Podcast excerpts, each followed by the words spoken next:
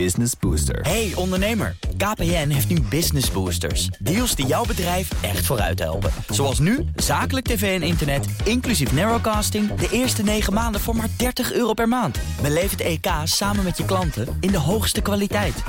Kijk op kpn.com slash businessbooster. Business Booster. BNR Nieuwsradio. Extra nieuwsuitzending. Mark Beekhuis. Welkom bij een extra nieuwsuitzending vanwege de ontwikkelingen in de oorlog tussen Israël en Hamas. Het komend uur praten we je daarover bij, over de laatste ontwikkelingen. We proberen te duiden wat er precies gebeurt op het ogenblik, wat het betekent en dus ook welke gevolgen dat kan gaan hebben.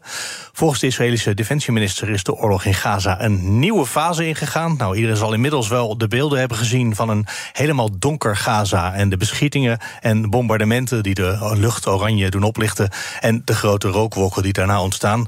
Israël zegt: we hebben een grondoperatie in Gaza uitgebreid. Dat is de formulering van het Israëlische leger. En dat leger meldt ook dat het vannacht het noorden van Gaza is binnengetrokken en dat de militairen zich daar nu ook nog steeds bevinden. De inwoners van Gaza ondertussen krijgen van dat leger opnieuw een oproep uh, dat ze moeten vertrekken vanuit het noorden van Gaza naar het zuiden. Attention, citizens of Gaza, listen carefully. This is an urgent military advisory from the Israel Defense Forces. For your immediate safety, we urge all residents of northern Gaza and Gaza City to temporarily relocate south. Tijdelijk naar het zuiden verplaatsen. Dat is de oproep van het uh, Israëlische leger. Uh, overigens gedaan via X.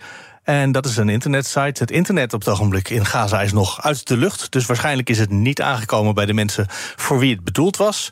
Uh, misschien zijn er ook flyers uit vliegtuigen gegooid. Dat is uh, het gebruik, denk ik. Uh, Bernard Hammelburg, jij bent er het hele uur bij. Dat is wel traditie. Ja, hè? dat is traditie. En het is, het is traditie dat altijd als ze daar gaan bombarderen. En helaas komt dat met, ik zal maar zeggen, de, met een grote regelmaat gebeurt dat. Dan doen ze altijd. Een van de middelen om te, om te waarschuwen is inderdaad altijd gewoon. Vlucht, biljetten uit een vliegtuig gooien. En dan kun je dat lezen, ja. En dit was ook in het Engels, niet in de. de nee, maar dat zijn die, die, van de die, mensen die, in zijn, die, Gaza. die zijn in het Arabisch. Die, uh, Die vliegt, ja, precies. De dingen die uit het vliegtuigen, de flyers zijn in het Arabisch. De vraag is: wat gaat Gaza de komende uren en de rest van de wereld misschien zelfs wel uh, allemaal nog uh, meemaken? Dat bespreken we dus met onder andere onze buitenlandcommentator Bernard Hammelburg. Maar ook met onze correspondent in Israël, Ralf Dekkers. nu vanuit Tel Aviv. Ha, Ralf. Hoi, goedemiddag. Uh, laten we maar beginnen met gewoon de laatste stand van zaken. Wat is op het ogenblik uh, het beeld als je nu uh, zo over de rand vanuit Israël Gaza inkijkt? uh, maar inderdaad, even terug te komen op die flyers. Die flyers zijn inderdaad uitgestrooid boven het noorden van Gaza. Er zijn nog zo'n 300.000, 400.000 mensen, schat de Verenigde Naties. En Israël wil nu ook meer hulp toelaten in het zuiden via, via de grens met Egypte om die mensen weg te lokken, ook uit het noorden, zodat ze meer de vrije hand hebben om die grondoperatie of die uitdijende grondoperatie kunnen voortzetten. Uh, Netanyahu is, uh, as we speak, is die met de, de gijzelaars, de familie van de gijzelaars aan het praten. Want die, hebben, die zij maken zich grote zorgen. Uiteraard uh, zagen wij die beelden ook, zoals jij ze schetste, met uh, oranje luchten en zo. Zij maken zich zorgen om de ruim 200 gijzelaars die daar in tunnels of elders natuurlijk ook die bombardementen meemaken. Ja, en je zegt de hulpgoederen, die wordt misschien wat meer. De eerste dagen ging het op 20 vrachtwagens per dag. Terwijl voor de oorlog 200, dagen, 200 vrachtwagens per dag de norm was. Valt er iets te zeggen over uh, waar Israël nu toe bereid is? Hoeveel vrachtwagens er per dag met eten en medische spullen over de grens kunnen? Uh, ze hebben geen aantallen genoemd, maar inderdaad, uh, de afgelopen drie weken zijn er in totaal nog minder dan 100 vrachtwagens binnengelaten. Maar ze zeggen dat ze het fors op zullen voeren. Maar ja, omdat, of dat genoeg zal zijn om 2 miljoen mensen te helpen, dat, dat betwijfel ik. Ja, en je had het al over de gijzelaars die dan misschien uit de tunnels van Gaza gehaald moeten worden, de tunnels van Hamas. De, de, eerste mensen die naar buiten kwamen, die zeiden eigenlijk: in Gaza zijn wij prima behandeld. Alsof het daar. Uh, nou ja, alsof, alsof zij redelijk behandeld werden. Ik zie Bernard al een beetje. Een ja, beetje hun, nee. hun, mannen zaten daar nog. Dus wat waren ja. dat ze zeiden? Ja, ja. oké. Okay. Nou ja, ik, ik, dacht, ze zeiden we kregen het eten en we kregen de behandeling die ze daar hun eigen bevolking ook geven. Ehm, maar goed, laten we daar dan niet te veel in gaan. Uh, op het ogenblik is het moeilijk om te weten wat er in Gaza gebeurt. Uh, want het internet is er niet en er is weinig telefonieverkeer, uh, Ralf. is eigenlijk bekend inmiddels waarom Israël dat zo doet? om, om om de Hamas-communicatie ook uh, onmogelijk te maken. Maar het is, uh, via de satelliettelefoon komen wel wat berichten binnen. Maar voor die mensen daar natuurlijk, ze kunnen niet met hun familieleden bellen van hoe het met hen is. Ze kunnen niet naar een ambulance bellen om eventueel te hulp te komen. Dus voor die mensen is het één groot drama daar in het noorden van uh, Gaza. Ja, maar zou dan het, de, de, mensen van Hamas ook niet gewoon satelliettelefoons hebben? Dus dat vooral de burgers hiermee, ja, dat die daar vooral last van hebben? Uh, uiteraard zijn de burgers het uh, grootste slachtoffer. Maar het is, hier wordt met namelijk gekeken van wat er de komende uur gaat gebeuren als de, gebeuren als de, de avond valt en het weer donker wordt. En wat dan de volgende stap zijn van het, zal zijn van het, van het leger hier. Uh, ze hebben de laatste paar dagen hebben ze een, een soort van PR-campagne losgelaten om het, over het Shifa ziekenhuis, het grootste ziekenhuis van Gaza-stad. Dat daaronder een, uh, een commandocentrum van Hamas zit. Ze hebben vandaag ook uh, opnames naar buiten gebracht van een Hamas-terrorist die betrokken was uh, bij die aanval op 7 oktober, waarin hij dat zegt. Dus het lijkt dat het uh, eerste, voornaamste, grote doel uh, dat ziekenhuis met het commandocentrum van Hamas eronder is. Maar daarvoor zullen ze nog wel een stuk verder de Gazastrook moeten binnentrekken. Want waar ligt dat ongeveer? Ligt dat midden in, het, in de Gazastrook? Of nog een beetje door nee, in het noorden? Ligt, dat ligt wel in het noorden, maar dan moeten ze wel eerst nog een stuk van Gaza-stad door met huizen en tunnels en dat soort zaken me aan dat dat het eerste grote doel is en dat ze daar langzamer naartoe werken. Want het is de vraag of ze echt zullen bekendmaken van nu is het grote grondoffensief begonnen. Het lijkt er nu op dat ze het stap voor stap voor stap doen.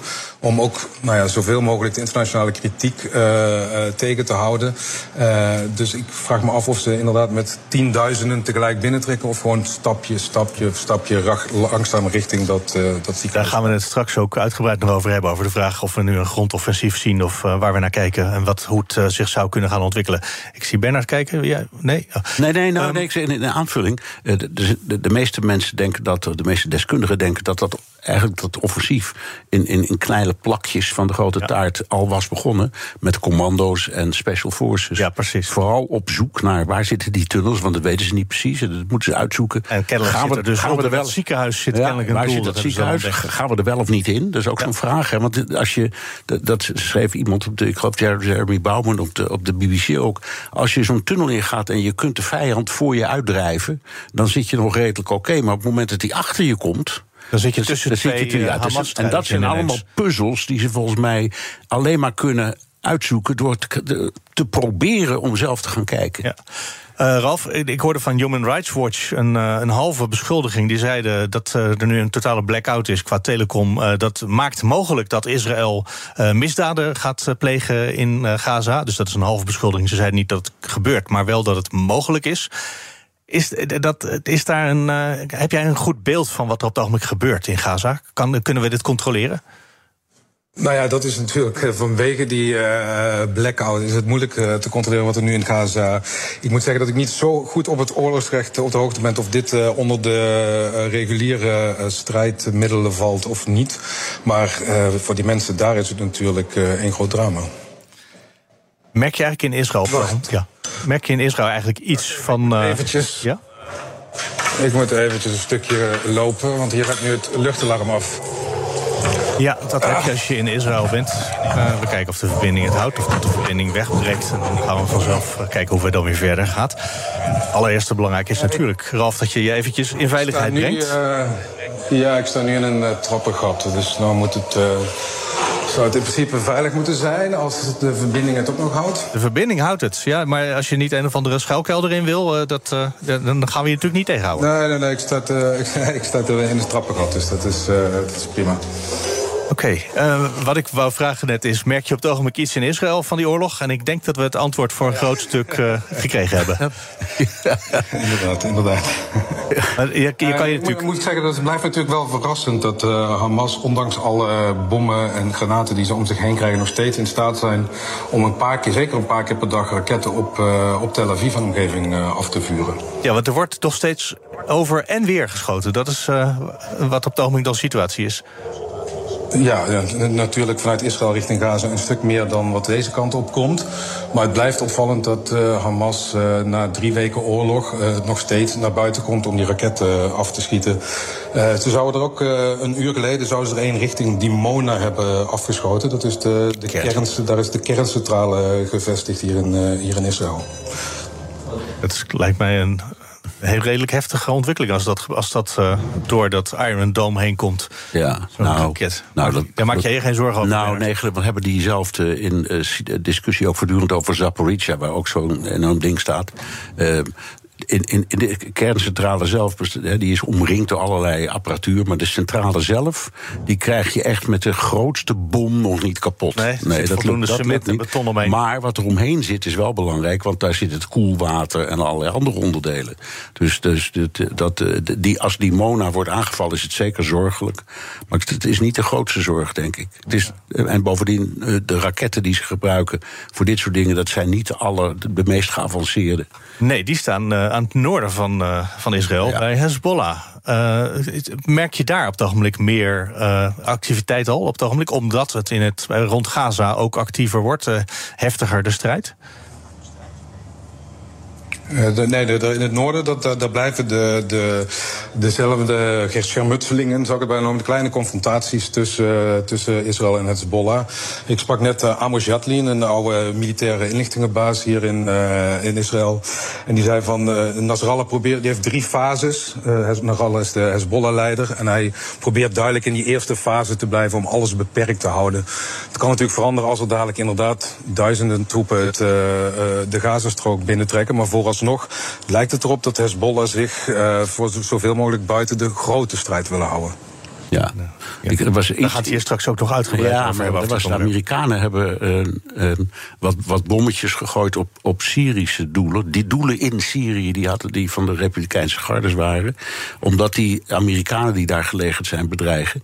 En mijn gevoel is dat dat verhaal extra groot is gebracht door de Amerikanen. Ook als waarschuwing aan Hezbollah. Denk erom, we, staan, we, liggen hier met een mega grote vloot vol met F-15's en F-18's en F-16's. Dus kijk uit wat jullie doen. Ja. Hebben we eigenlijk inmiddels al iets van premier Netanyahu gehoord, Ralf? Heeft hij al iets van zich laten horen over de afgelopen 24 uur? Nee, die heeft, uh, zoals wel vaker, deze, deze oorlog uh, houdt hij zijn kaken stijf op elkaar. Hij is dus nu, as we speak, met, uh, met, de, met de nabestaanden, niet zeggen, met de familieleden van de gijzelaars aan het praten. De defensieminister heeft dus wel het een en ander gezegd. Waaronder dus inderdaad dat we in een nieuwe fase zijn aanbeland. Maar uh, Netanyahu, meestal als hij iets zegt, doet hij dat om, tijdens het avondjournaal. Dus dat zou dan om acht uur hier zijn, zeven uur jullie tijd. Maar het is natuurlijk wel opvallend dat in drie weken oorlog heeft hij nog geen enkele vraag van een journalist uh, beantwoord. Hij heeft nog geen enkele persconferentie gegeven, geen interview gegeven. Het enige wat hij doet is uh, af en toe op tv komen met een, uh, met een korte verklaring. Ja, ik zie wel veel verklaringen van meneer Levy en meneer Regev, die onder andere namens hem het woord voeren. BNR Nieuwsradio. Extra nieuwsuitzending. Je luistert naar BNR. Eh, laten we Frans Ozinga erbij halen in de uitzending. Uh, blijf er vooral bij, Ralf, uh, zolang de toestand het staat, toestaat. Frans Ozinga, hoogleraar oorlogsstudies aan de Universiteit in Leiden. Goedemiddag, goedenavond, wat is het? Goedemiddag. Goedemiddag. En uh, blijf er ook vooral bij Bernard Hammelburg, uh, buitenlandse commentator van BNR. Meneer Oziga, laten we even kijken naar wat we de afgelopen 24 uur gezien hebben. Gisteravond begonnen bombardementen. Vervolgens is er waarschijnlijk met tanks opgetrokken het, uh, de Gaza in. wat, wat heeft u gezien? Wat valt u op aan wat er gebeurt daar? Nou, we zien heel weinig. Dat is één. Wat we horen is dat er inderdaad tanks, panzerwagens...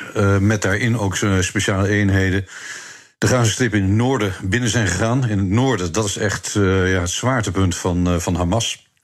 En dat ze daar wederom een soort een kleinschalige operatie hebben uitgevoerd, een raid, en waarschijnlijk ook op andere plaatsen. Maar dit keer zijn, anders dan de afgelopen dagen, die tanks en panzerwagens niet teruggekeerd, maar hebben zich vervolgens waarschijnlijk niet echt in Gaza stad vervolgens verzameld en opgehouden, maar zijn ook niet teruggekeerd achter de grens aan de Israëlische zijde. En dat is nieuw. Tegelijkertijd horen we dat gedurende de hele nacht de Israëlische luchtmacht met drones en dergelijke uh, ongeveer 150 tunnelingangen heeft uh, gebombardeerd. Uh, allemaal op zoek natuurlijk naar ja, het militaire vermogen van Hamas en dat proberen uit te schakelen. En 150 is best wel veel. En dat constateert zich inderdaad allemaal in de noordelijke regio. Nou, dat hebben we gezien. En wat we ook gezien hebben en gehoord is dat het de communicatie helemaal is afgesloten. En dat, je hoorde dat er weinig mensen achterop geslagen, maar het civiele vliegverkeer boven Israël en Gaza hield gisteravond ook op. En uh, ook dat duidt erop dat daar een intensievere luchtoperatie aan de gang is van, van de Israëlse luchtmacht. En je wil niet uh, burgervliegtuigen blootstellen aan risico's daar. Ja. Nou, dat suggereert inderdaad, zoals de minister van Defensie ook heeft gezegd, dat Israël een volgende fase is ingegaan. Fase 1 was alleen maar luchtaanvallen en verkenningsoperaties. Fase 2 is dat fase 1 gaat door, maar fase 2 komt erbij.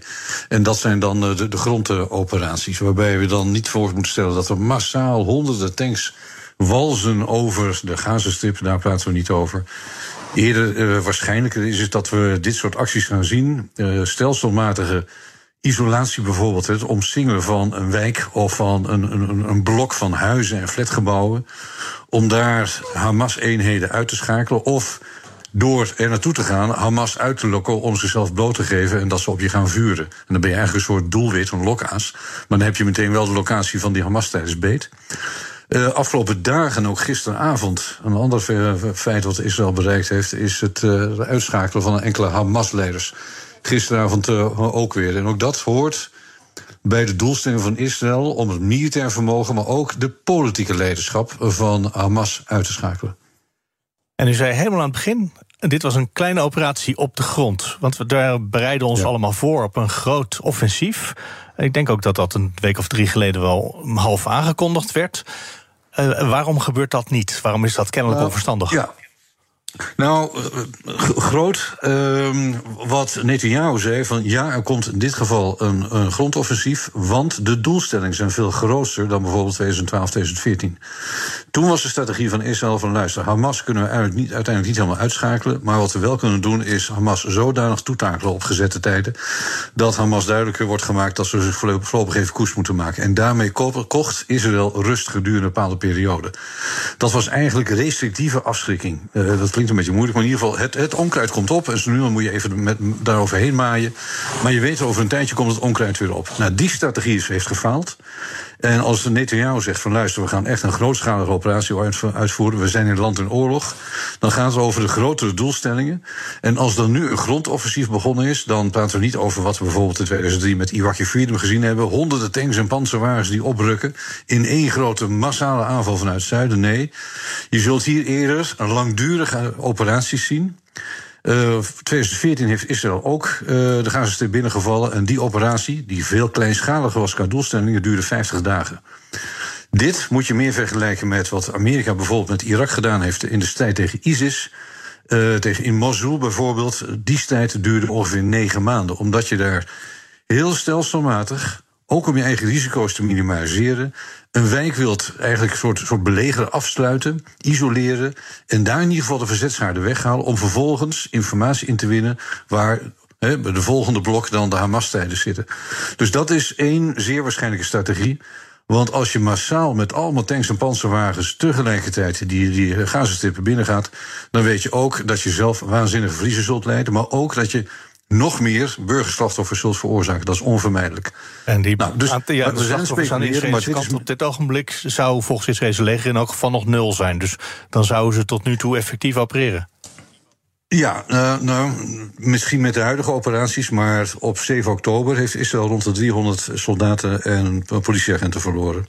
Ja, uh, oh ja met de operatie van deze 24 uur, ja. dat klopt inderdaad. Ik, ik, ik ben ook, uh, exact. Ik ben ook nog benieuwd naar iets anders.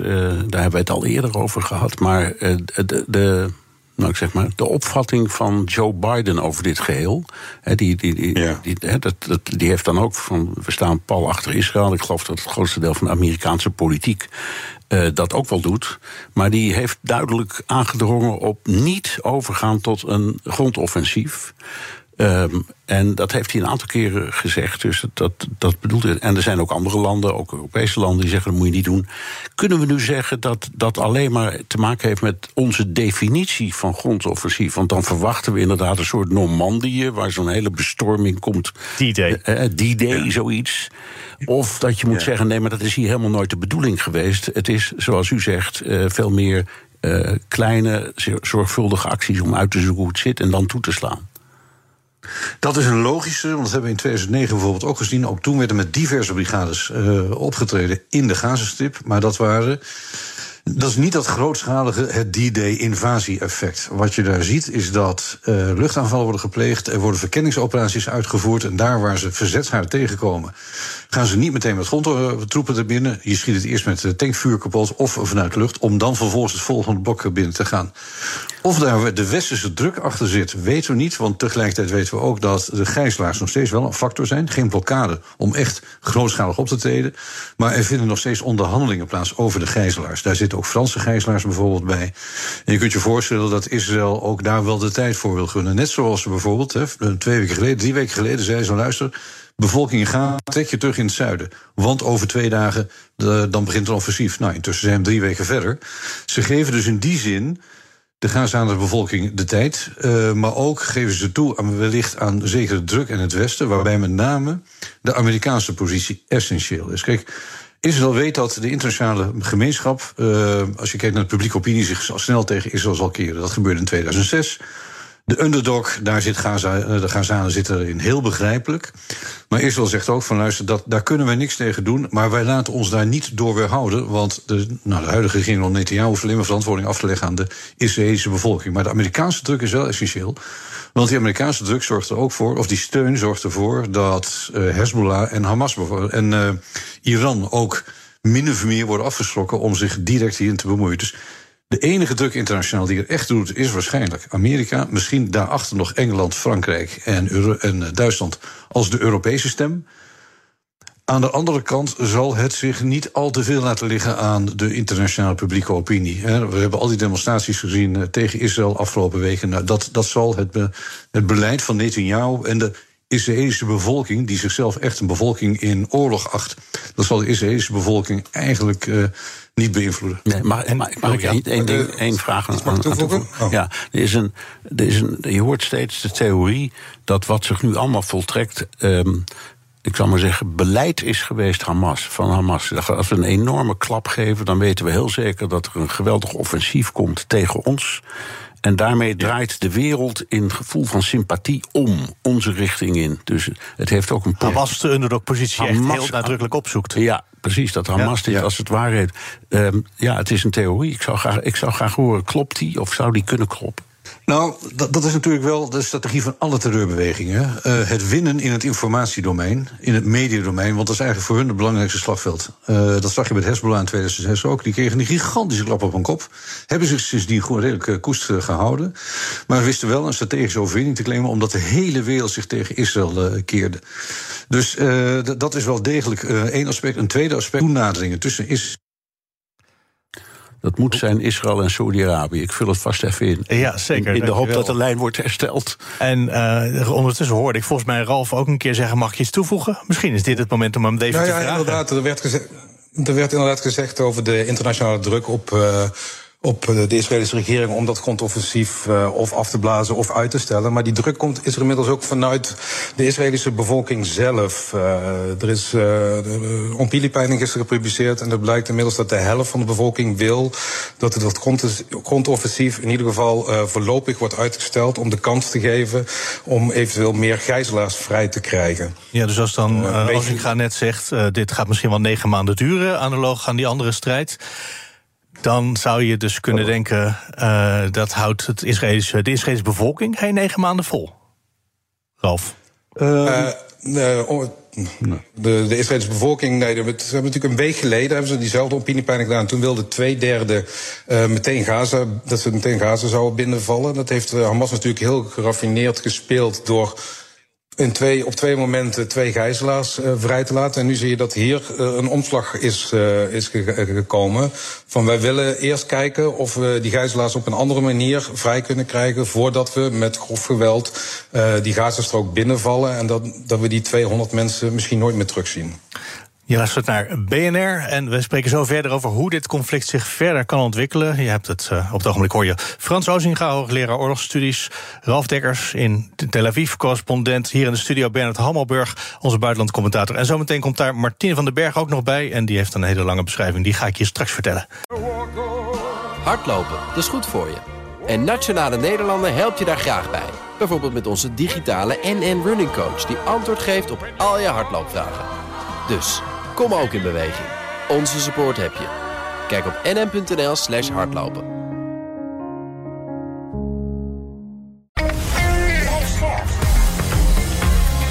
BNR Nieuwsradio. Extra nieuwsuitzending. Mark Beekhuis. We gaan verder met deze extra nieuwsuitzending over de ontwikkelingen in de oorlog tussen Israël en Hamas. Uh, dit half uur praten we hierbij over nou, de laatste ontwikkelingen. Uh, Ralf hebben we nog steeds op afstand. Ralf Dekkers in uh, Tel Aviv. Zit jij nog steeds eigenlijk in de schuilkelder daar? Nee, nee, nee. nee. Je bent weer naar buiten gegaan. ja, je moet vijf minuutjes officieel daar blijven. Maar als je de Iron Dome hoort vrij kort daarna kun je alweer uh, naar buiten. Oké, we hebben ook nog contact met Frans Ozinga, hoogleraar oorlogsstudies, die we net ook al hoorden aan de Universiteit in Leiden. Uh, en we gaan praten met Bernard Hammelburg, buitenlandcommentator. Aangeschoven nieuw is nu Martine van den Berg, auteur van Het Ontrafeld. Hoe rampen de wereld veranderen, een geschiedenis van crisis en herstel. En zelf ook jarenlang in Israël gewoond. Dan volg je dit met meer dan gemiddelde interesse, stel ik me zo voor. Ja, dat klopt. Uh, ik heb uh, 13 jaar in Israël gewoond. Ik spreek de taal. Ik heb daar uh, gewerkt, eh, kinderen gekregen, gezin gesticht, familie. Nog steeds heel Ook veel. contact aan de andere kant van de grens? Nee, zoals dat dan gaat in Israël. En zeker de laatste twintig jaar. Uh, eigenlijk sinds er een ja. uh, muur is tussen uh, de, de Westbank... barrière, zoals de Israëliën noemen. Exact. plus dat Bibi Netanyahu er echt alles aan heeft gedaan... om mensen, de Palestijnen, te doen vergeten. Door het steeds het probleem te bagatelliseren. Door te doen alsof het onder controle is. Uh, en om Hamas en, uh, en uh, de Fatah, hè, die twee verschillende bewegingen tegen elkaar uit te spelen, kregen Israëli's natuurlijk, en ik ook, het gevoel. dat, het, dat het probleem onder controle was en dat je veilig was. En dat is natuurlijk nu ruw verstoord. Ja, en dat is wat Frans Ozinga net beschreef, dat af en toe het onkruid opkomt en dan moet je het weer even maaien. Uh, maar dat blijkt dus definitief niet te werken. Inmiddels uh, hebben we natuurlijk uh, drie weken oorlog rond Gaza. Maar aan de noordrand lijkt er ook van alles de hele tijd te gebeuren. En we gaan het onder andere in dit kwartier hebben over de vraag of er een soort besmettingsgevaar voor de rest van de regio is. Maak jij daar zorgen over, Bernard? Beetje wel, hoewel tot nu toe de, de signalen goed zijn. Dus die schermutselingen die er zijn, die zijn van bescheiden van aard. Ja, je zal er maar net onder staan. Ik bedoel, ja.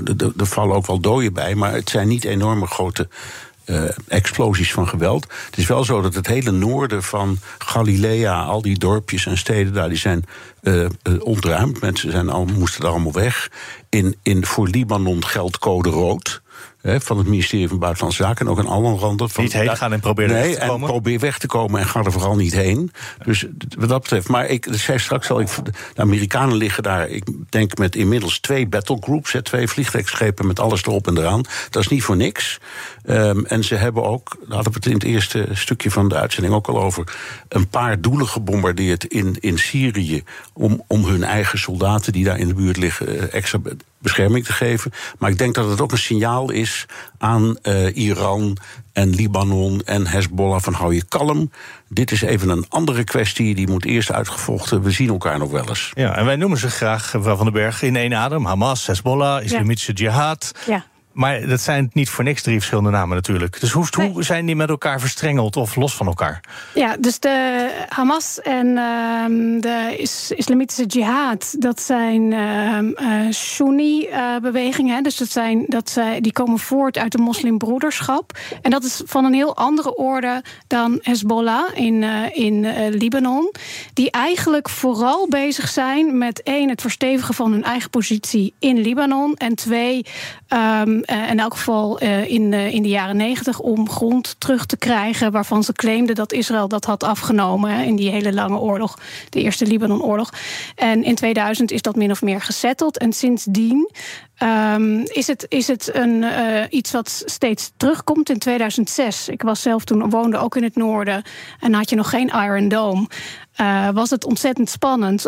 Maar dat was ook over een heel specifiek issue. Dus uh, Hezbollah, in tegenstelling tot, uh, tot, uh, tot Hamas, heeft niet de doelstelling om Israël van de kaart te vegen. Het is een andere, een andere doelstelling. Dat... Toen de strijd begon op 7 oktober, toen was ook de oproep van Hamas richting onder andere Hezbollah: sluit je bij ons aan. Ja. Dat is niet gebeurd, hè? Nee, dus, dus wat, er, wat, wat er gebeurt is dat ze wel. Um, uh, speldenprikken is misschien een beetje een, een te klein ja. woord, maar er wordt, uh, er wordt wat geschoten. Maar het is toch vooral symboolpolitiek. Ik denk om aan de Arabische wereld te laten zien: wij zijn één, wij staan achter Hamas.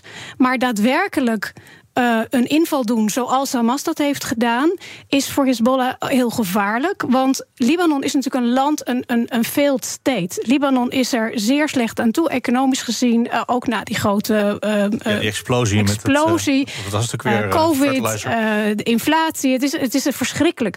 Dus als Hezbollah zelf Israël binnenvalt zonder echt goed bewijsbare provocatie, dan krijgen ze geen steun van hun eigen bevolking. En dat is natuurlijk iets waar ze op de lange duur alleen maar nadeel van ondervinden.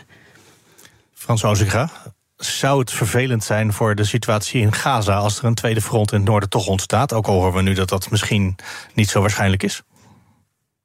Ja, absoluut. Uh, kijk, Israël heeft een grootschalige uh, mobilisatie in gang gezet. 360.000 uh, mensen die zijn weer in uniform. Uh, en een deel daarvan is wel degelijk bedoeld ook, ook om de veiligheid in het noorden uh, te kunnen garanderen. Hezbollah heeft de beschikking over nog meer raketten dan Hamas. De schatting is een loop uiteen, maar nou, sommige mensen noemen 100.000. Nou goed, laat het 90.000 zijn, maakt niet uit. Maar waanzinnig veel. Uh, en een twee-frontenoorlog zal Israël aankunnen. Dat hebben ze zelf ook al gezegd. Dat moeten ze ook wel zeggen natuurlijk. Maar dat wil je niet daar waar je in, in de Gazastip nog je handen vol hebt. Ehm, en ik vermoed ook, en dat zei Bernard ook al, dat ook de rol van Amerika hier op de achtergrond met die twee eh, aircraft carriers met 150 vliegtuigen echt een rol speelt. En er heeft communicatie plaatsgevonden tussen Amerika en Israël. Uh, dus ik denk dat uh, die flank ook nadrukkelijk bewaakt wordt door Amerika. Niet om direct misschien Hezbollah aan te vallen.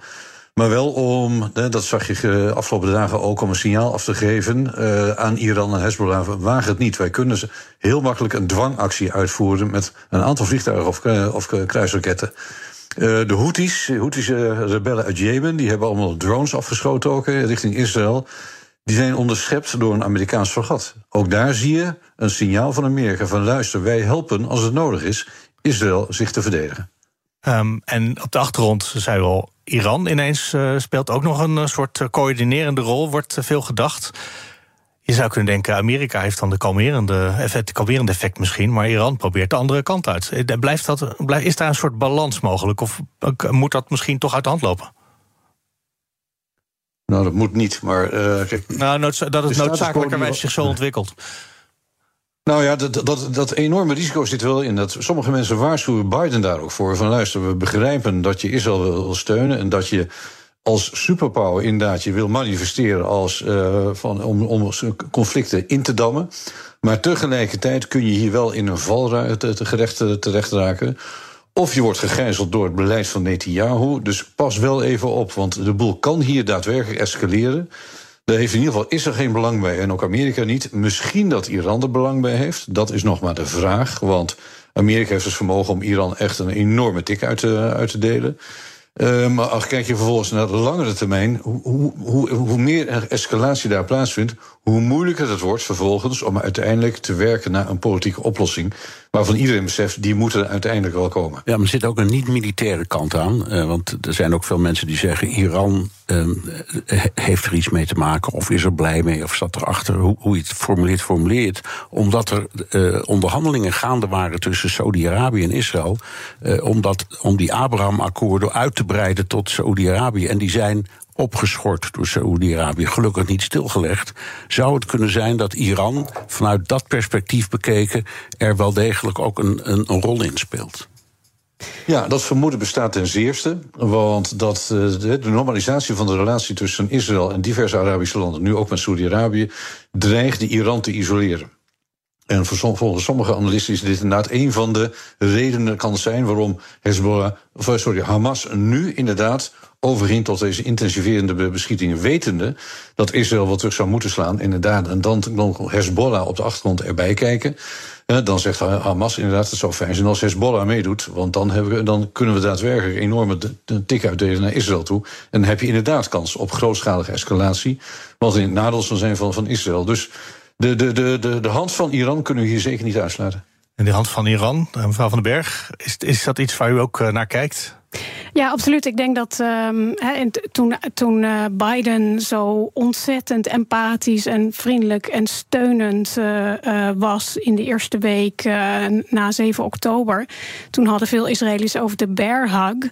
En dat is niet alleen maar positief. De bear hug is natuurlijk ook kijk uit um, ja. wat je doet. Want um, mijn gevoel daarbij was: Biden en Amerika hebben natuurlijk een heel groot belang bij die Ze willen um, Saoedia uh, als uh, te vriend hebben, omdat er natuurlijk ook een kwestie met olie speelt. Als je uit Rusland geen uh, grondstoffen kan betrekken voor de langere termijn, dan heb je Saoedia echt nodig. En dus zijn de Amerikanen erop gebrand om alle weerstand die Iran heeft tegen dit plan voor, voor deze vrede. Uh, om die uh, te dwarsbomen. Dus um, het, lijkt me, het lijkt me dat de Israëli's zijn natuurlijk zijn heel erg blij met de onvoorwaardelijke steun die Biden uitspreekt. Maar ik denk dat op den duur, en dan heb je het niet over een paar maanden, maar misschien meer over een paar jaren, dat de Amerikanen wel zullen gaan duwen voor een nieuw akkoord. En in dat akkoord zal deze keer de Palestijnen uh, worden meegenomen. Want het is wel bewezen dat je ze niet uh, kan negeren. Uh, en dat is iets waar de Israëli's nu niet mee bezig zijn. Tenminste, die indruk krijg ik niet. Maar dat als, als het stof is gedaald, dan zullen ze daar wel een antwoord op moeten formuleren. Ja, en in, in hoeverre hebben ze vanuit Iran dan Hamas aan een touwtje of Hezbollah aan een touwtje? Of is het toch gewoon, ze bellen elkaar op en ze kennen elkaar?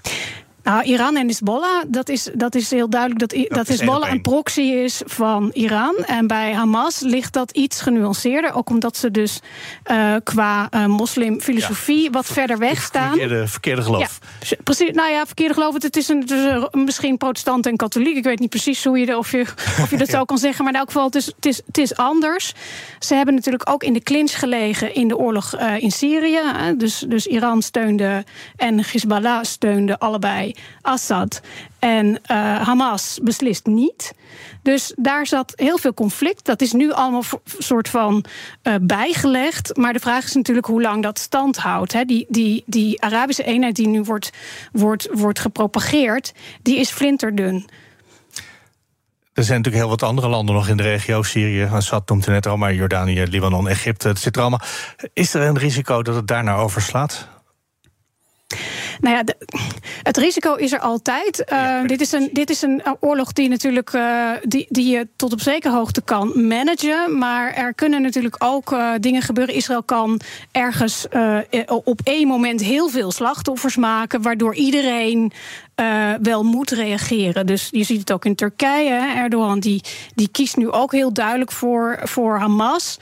Uh, dat is natuurlijk voor een deel window dressing. Hè, na, na, naar je eigen achterban toe laten zien dat je achter uh, de Palestijnen staat. De werkelijkheid is natuurlijk veel genuanceerder. Maar als er iets dramatisch gebeurt, en dat wil niet zeggen dat alles wat tot nu toe is gebeurd niet dramatisch is, maar uh, in verhoudingsgewijs kan het nog erger. En als dat gebeurt, dan kan natuurlijk de vlam in de plant, pan slaan. En dan alsnog en Hezbollah en uh, misschien uh, uh, groepen in Jordanië of in Egypte zich geroepen voelen om de straat op te gaan en, en zich tegen Israël uit te spreken. Nou, ik heb één aantekening. Ik denk ja. dat Jordanië, zoals altijd en terecht en eigenlijk heel chic, altijd probeert er toch uiteindelijk ja. buiten te blijven. Um, want die willen dat liever niet. En die hebben ook helemaal geen slechte relatie met Israël. Alleen ja, op zo'n moment als dit gaat het natuurlijk mis. En Egypte, daar kijkt iedereen, denk ik, van alle kanten aan. als wat Egypte al die andere vorige keren ook heeft gedaan. als bemiddelaar. Die zijn, die, die hebben uit die, uit die, dat hebben ze de afgelopen Dat keren. is ook zijn de plek waar nu de vrachtwagens vandaan komen. Ja, ja. Ja, wat ik dus eigenlijk ha- had moeten specificeren, eh, eh, is dat het. Eh, wat, het, wat de mensen in de straat vinden, niet eh, overeenkomt met wat het leider, de, de leiderschap vindt. Wat en in Jordanië is, dat heel duidelijk, want er wonen natuurlijk heel veel Palestijnen in Jordanië. Eh, en de Jordaanse overheid, koning, et cetera, hebben natuurlijk al, de, moeten alle mogelijke moeite doen om dat in bedwang te houden. Ja, Dus Vrees heel zit even naar mijn, Frans eh, Ozinga. Dus Hoe ziet u dat besmettingsgevaar met de buurlanden? Eh, nou, wat inderdaad terecht gezegd wordt, eh, Jordanië, dat geloof ik niet zo snel. Die zullen zich wel natuurlijk loyaal verklaren aan inderdaad de, de hele Arabische eh, agenda. Maar uiteindelijk zijn ze bang voor interne destabilisatie. Die zitten niet te wachten op een, op een, op een escalatie van de oorlog. Assad heeft zijn handen vol in het land zelf, wordt gesteund door Rusland. Overigens worden daar eh, dagelijks heel veel moslims omgebracht door Assad en Rusland. Daar hoor je niemand over, maar dat gebeurt dagelijks. Geen ophef en het gebeurt dagelijks heel merkwaardig. Ehm, maar ik denk dat Assad zijn eigen problemen heeft. Maar als hij zich kan scharen in een groter offensief en daarmee zijn eigen legitimiteit en status kan behouden, zal het niet nalaten. En Egypte, en Egypte hadden we het even over, als, als mogelijke middel, bemiddelaar. Oeh. Ja. Kijk, Egypte zit niet te wachten op Hamas. Nee, nee, dat weet ik. Maar ze hebben in al die vorige keren hebben ze uiteindelijk eh, een, eh, een oorlog, of een conflict tussen, tussen Gaza en Israël gesust. Dus ik, ik heb de Zou het weer kunnen? Zou Ja, het weer kunnen? vraag, Dat, ja. dat Ja. Nou, misschien moeten we die vraag nog even voor ons uitstellen. Ik ga hartelijk dank zeggen tegen Frans Ozinga, hoogleraar oorlogsstudies aan de Universiteit van Leiden. Martine van den Berg, auteur van het boek Ontrafeld, geschiedenis van crisis en herstel. Eh, want we gaan het laatste kwartiertje in. BNR Nieuwsradio. En ik zeg het laatste kwartiertje, het is een kleine tien minuten zelfs nog maar. Waarin we het gaan hebben nog over de internationale reacties. Gisteren was er een stemming bij de Verenigde Naties om Israël te verplichten. om zich meer in te zetten voor een, om een humanitaire ramp in de Gazastrook te voorkomen.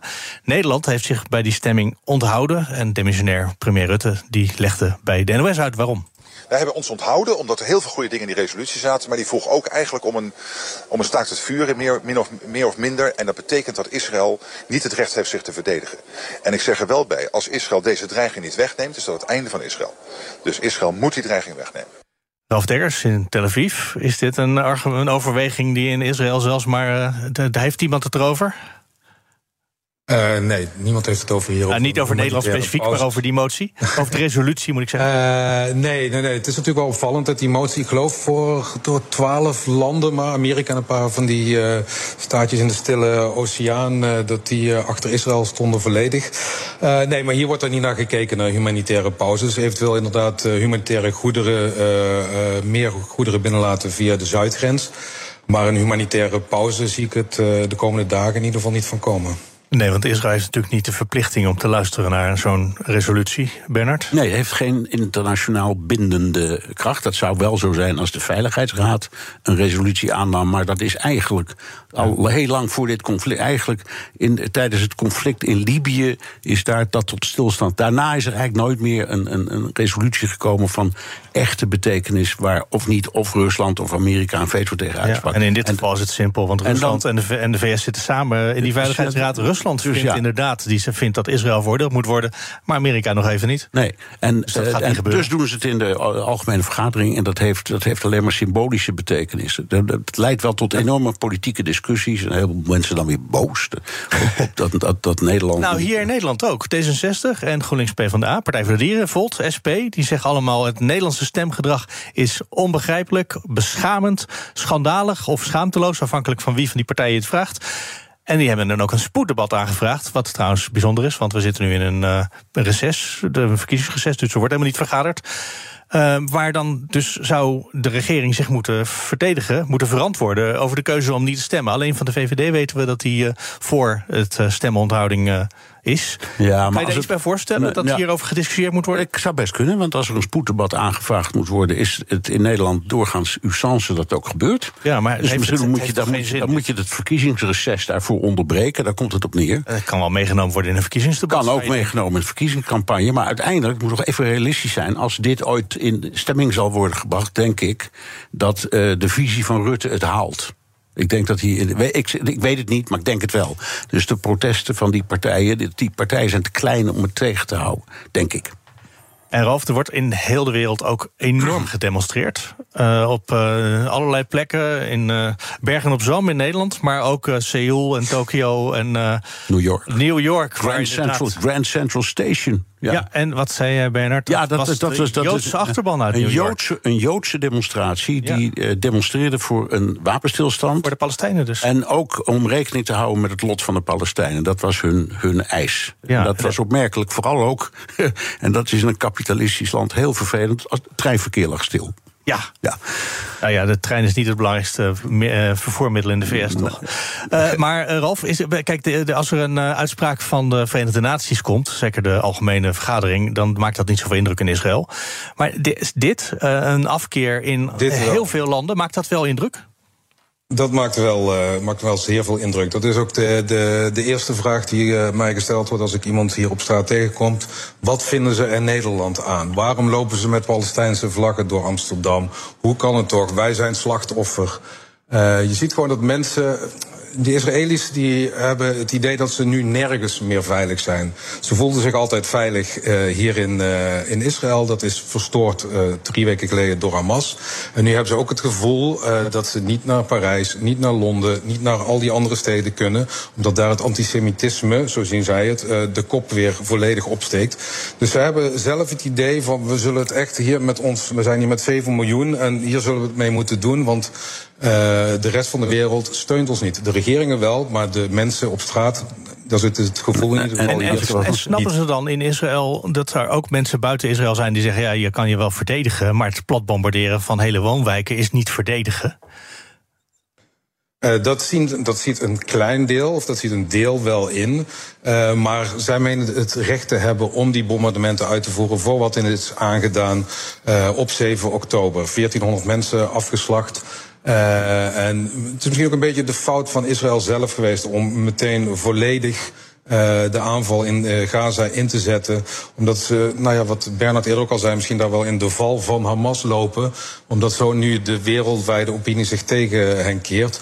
Maar, maar de bevolking hier in Israël die ziet het echt met ledenogen aan wat er in, uh, in de ja. Europese hoofdsteden met name gebeurt. Eén aspect dat je eraan, ik kan het in één zin eraan toevoegen, maar de ramp vind ik hiervan dat. Um, kritiek op Israël of op Israëlisch gedrag onmiddellijk, en je hebt het hier in Nederland al vele malen gezien, omslaat in doodgewoon ouderwets keihard antisemitisme.